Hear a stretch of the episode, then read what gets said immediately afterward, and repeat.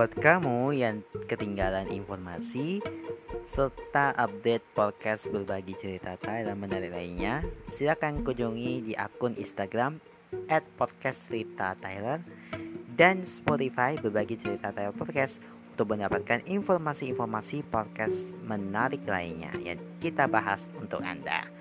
Jangan lupa juga untuk selalu follow akun Instagram at mata underscore underscore dan Twitter at Demata Saputra untuk mendapatkan informasi mengenai program-program unggulan lainnya.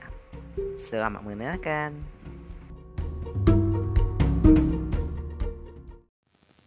Halo teman-teman, kembali lagi di podcast berbagi cerita Taylor.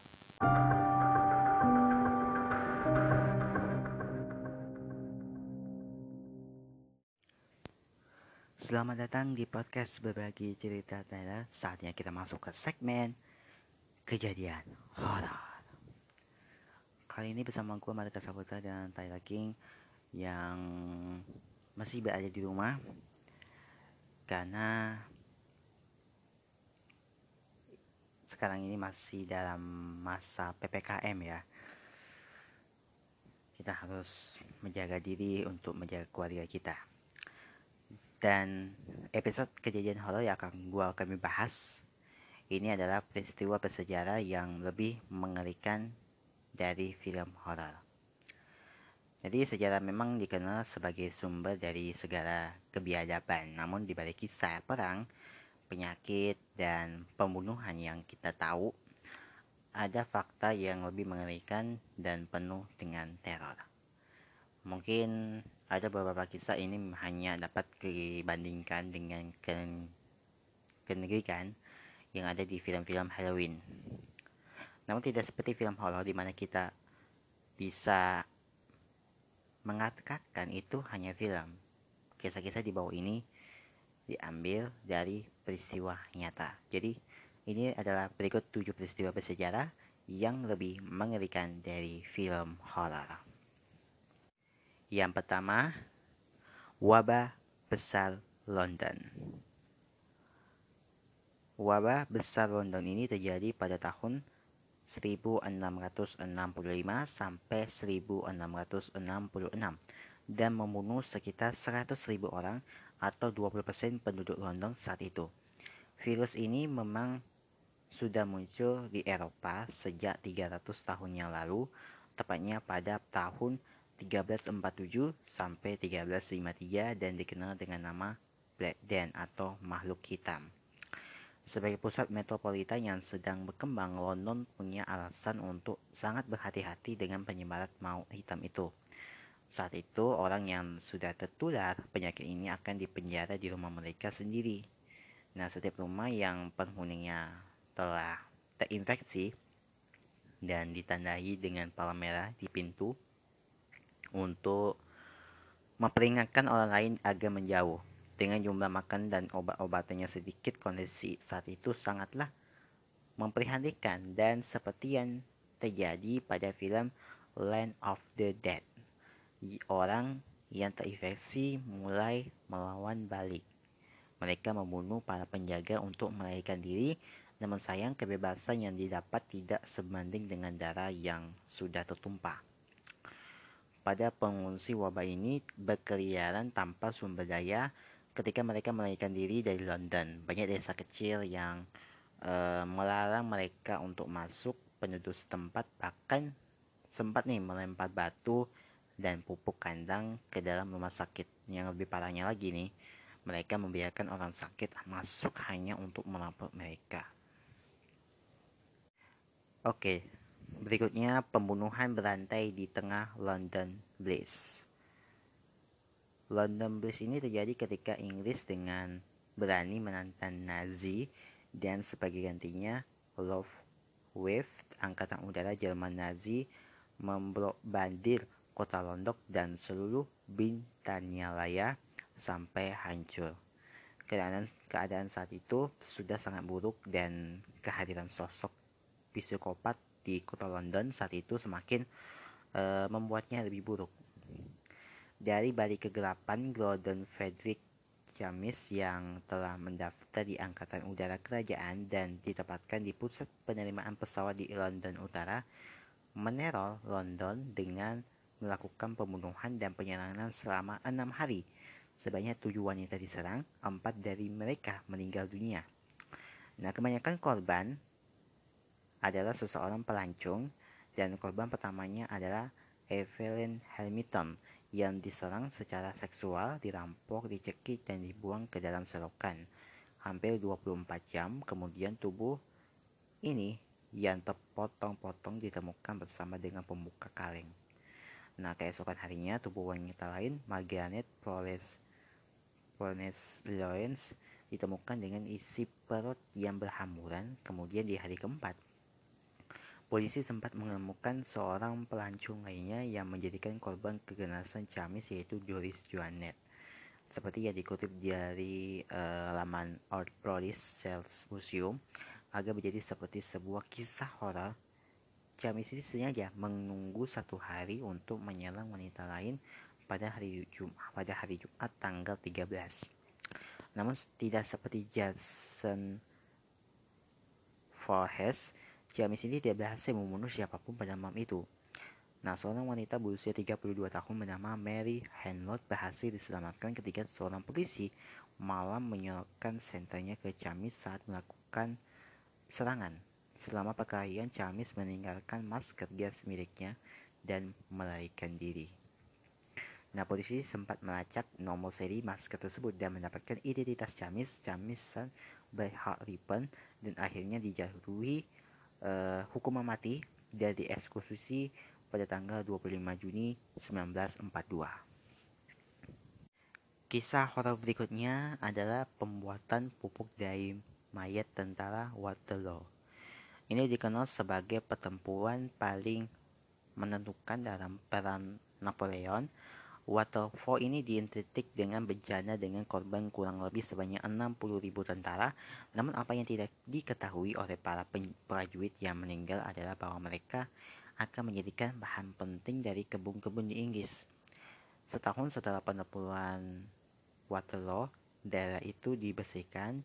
Perusahaan menemukan semua tulang milik prajurit dan kuda yang sudah tewas. Untuk memaksimalkan uang, mereka mengubah tulang menjadi bubuk. Nah, pabrik ini memang sering terjadi di banyak medan perang Napoleon lainnya seperti Leipzig dan Austerlitz. Dilansir dari laman Seals.com, surat kabar pada saat itu melaporkan bahwa total mereka mengangkut lebih dari satu juta gantang tulang manusia dan bukan manusia. Tentara Prancis yang gugur mendarat di pabrik-pabrik Yossi menandai kekalahan kedua mereka terhadap Inggris. Mereka mencampurkan bubuk tulang itu dengan sisa-sisa kotoran untuk membuat pupuk. Dikirim secara massal ke Dorchester. Pupuk ini membantu menemukan tanaman di pusat pertanian Inggris. Nah, petani lokal dapat membelinya untuk tanaman mereka sendiri dan satu generasi Eropa makan dengan makanan yang dibuat dengan bantuan mayat. Oke, berikutnya George Washington yang kembali dari kematian. Oke, sebelum Dr. Fisher Francelli dan Dr. William Thompson jika Frankensitis menggali kuburan para penjahat yang baru saja dieksekusi untuk membuat monsternya, Tonton memilih mayat yang lebih baik, yakni dari bapak pendiri Amerika Serikat sendiri. Hal ini dimulai saat Martha Washington berjanji kepada suaminya, George Washington, bahwa ia akan hidup untuk melihat tahun 1800. Namun sayangnya, George Washington ini meninggal pada satu malam 14 Desember 1799 tidak mau mengingkari janjinya Martha pun e, menghubungi Dr. William Thomson ini dikutip dari laman William Thornton adalah salah satu dokter paling bergensi di masanya dan bersumpah kalau dia dapat menghidupkan kembali George Washington. Iya, Washington memang sudah meninggal, tapi hal itu tidak menghalanginya Thornton untuk menyembuhkannya. Untuk membawanya hidup kembali, Thornton akan menaruh jasad George di air dingin lalu mencairkannya Dalton akan membungkus sang presiden dengan selimut. Nah, jika suhu tubuh Washington meningkat secara konstan, Thomson akan menumpas udara di paru-paru untuk merangsang nafasnya. Jadi silakan untuk mengaktifkan kembali jantungnya. Thomson akan menyuntikannya jus ke dengan alat domba. Akhirnya Washington akan hidup kembali seperti semula. Anehnya proposal itu ditolak. Nah, dengan enggan, Thomson dipercaya selama 20 tahun percobaan bahwa ia bisa menyelamatkan nyawa sang presiden. Berikutnya kejadian horor lainnya adalah eksperimen pengkondisian Nikolai Krasnogorski pada anak-anak yatim. Ivan Faro memang dikenal dengan percobaan pengkondisian terhadap anjing.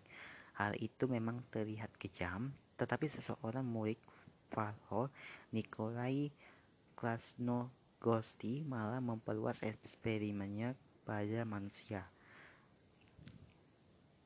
Krasnogorski ini memang memperoleh subjek dari panti asuhan setempat dan mendarat sekelompok anak kecil yang dapat ia manipulasi dengan bebas. Mengulangi setup dari eksperimen anjing mentalnya yang dikenal itu mustahil. Manusia tidak akan mau makan hanya dengan isyarat. Untuk mengatasinya, ia meningkat mereka dengan tali kulit dan perlengkapannya. Kepala dari logam, mulut anak-anak ini dikunci dalam keadaan terbuka. Sedangkan perangkat yang terhubung di dalam mulut, mereka akan mengukur air liur yang sudah dikumpulkan part elektronik akan mengenai pergelangan tangan mereka setiap kali makan akan dibadikan dan mereka dipaksa untuk makan kue dan makanan busuk. Reaksi mereka terhadap sampel yang berbeda akan dicatat. Nah, meskipun saat tidak etis, penelitian ini berhasil memberikan kemajuan ilmiah terhadap pengkondisian manusia. Tidak seperti Farhad dan anjingnya, mereka kurang peka. Manusia kurang peka dengan sedikit perubahan dalam rangsangan melalui penderita mereka anak-anak ini memiliki milik kelas kosong ini telah meletakkan dasar bagi teori modern terapi perilaku kognitif. Yang berikutnya perampokan makam George Scott Harrison. Dilansir dari laman Cincinnati Magazine, John Scott Harrison adalah satu-satunya orang yang menjadi putra seorang presiden Amerika William Henry Harrison sekaligus menjadi ayah dari seorang calon presiden Amerika Benjamin Harrison. Karirnya dalam politik sangat sukses dan menjelaskan mengapa ada banyak orang yang menghadiri pemakamannya pada 25 Mei 1878. Namun, selama upacara pemakaman, seorang pelayat menyadari kalau seseorang telah melampau makam pria bernama Augustus Devin yang ada di dekatnya. Khawatir John Harrison akan mengalami nasib yang sama, putra-putranya mengampatkan tiga batu besar yang diikat dengan semen di peti matinya. Butuh 16 orang untuk mengangkat batu tersebut, dan sebagai tindakan pencegahan lebih lanjut, seorang penjaga disewa untuk menjaga makam itu selama sebulan. Karena permasalahan dengan nasib Devin akan curiga dengan kebutuhan sekolah kedokteran terdekat untuk mempelajari uh, mayat, surat perintah penggeledahan untuk Medical College of Idaho pun dikeluarkan.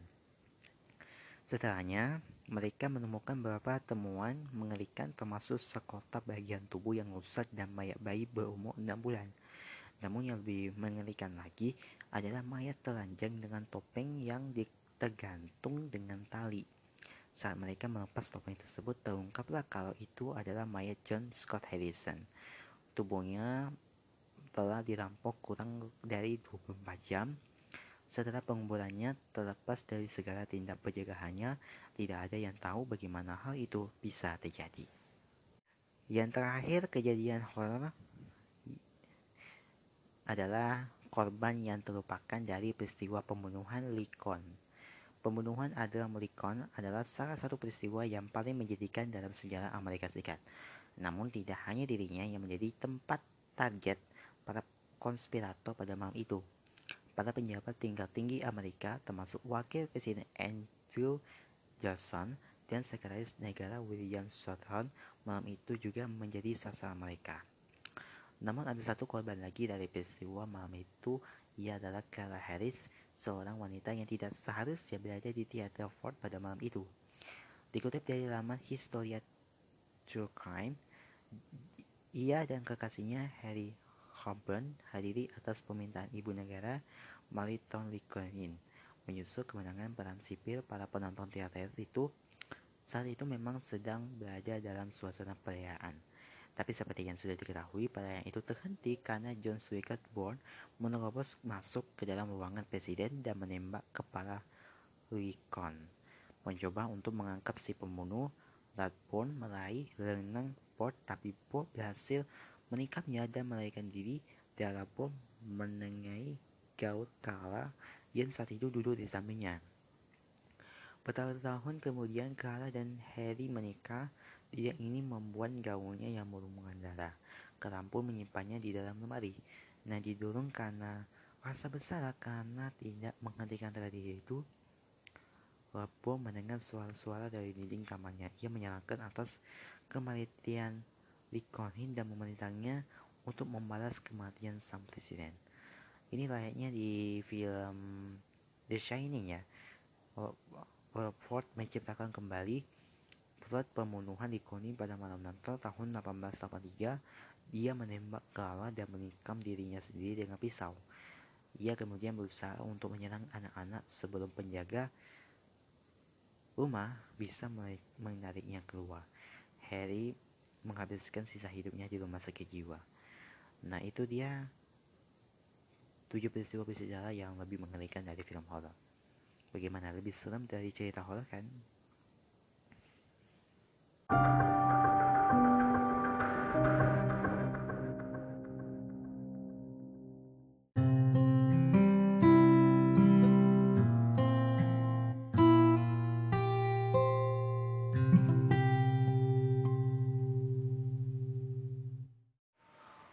Balik lagi di podcast berbagi cerita Taylor. Nah, pernahkah kita bayangkan olehmu menengahi kehidupan orang-orang di belahan dunia lainnya. Atau mungkin pernah pelancong yang sangat beruntung untuk menjelajahi negara-negara yang terbesar di seluruh dunia ini. Untuk melihat keindahan kultur yang berbeda. X. Tapi tahukah kamu, ratusan negara yang telah berdiri di dunia ini tidak hanya menyimpan keindahan kultur dan budaya, namun juga terdapat fakta-fakta mencenangkan yang tersembunyi untuk kamu diketahui.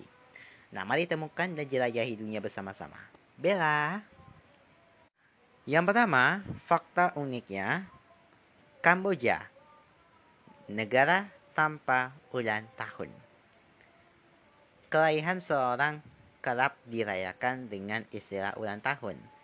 Namun hal tersebut tidak berlaku di Kamboja.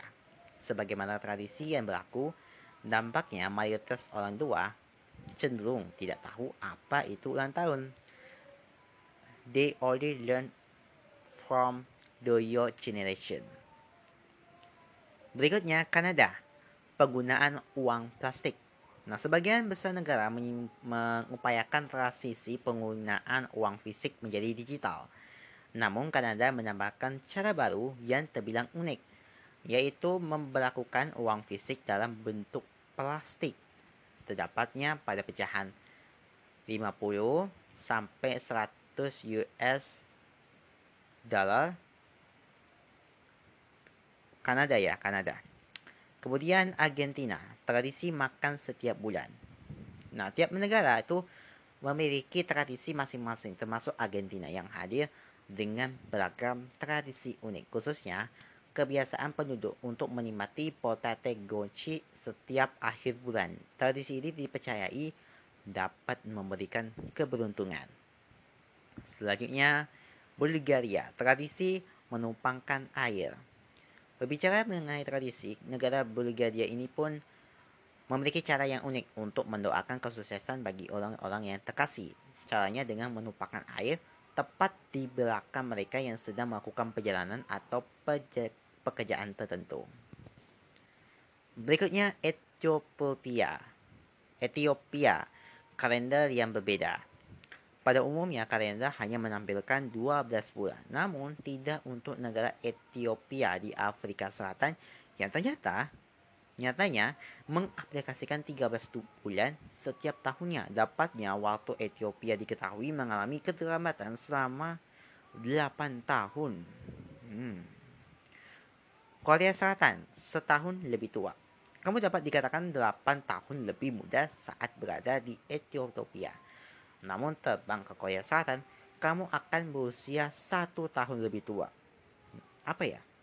Hal tersebut dikarenakan warga Korea Selatan mulai menghitung umur manusia sejak proses pertumbuhan di rahim ibu. Albania menggelengkan kepala untuk setuju. Menggelengkan kepala adalah tanda untuk menolak, sedangkan mengangguk untuk setuju.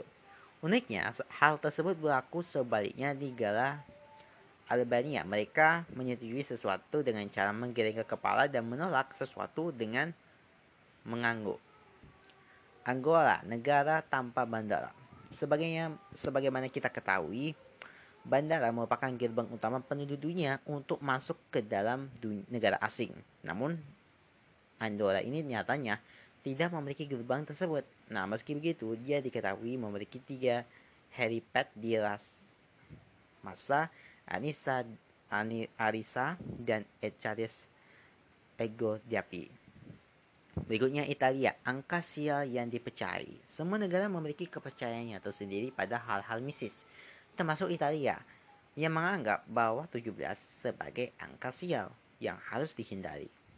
Nampaknya sebagian besar gunung tidak menyatakan lantai 17 untuk mencegah hal-hal yang tidak diinginkan. Yang terakhir, Selandia Baru, masalah kependudukan terunik. Masalah ke pendudukan tampaknya memiliki salah satu isu yang sebaiknya diperhatikan oleh pemerintah Selandia Baru. Pasalnya jumlah domba yang berkembang biak di negara tersebut diketahui telah melebihi jumlah penduduk manusia dengan perbandingan 6 banding 1. Hmm, apakah kamu cukup tercengang dengan sebuah fakta negara-negara di atas?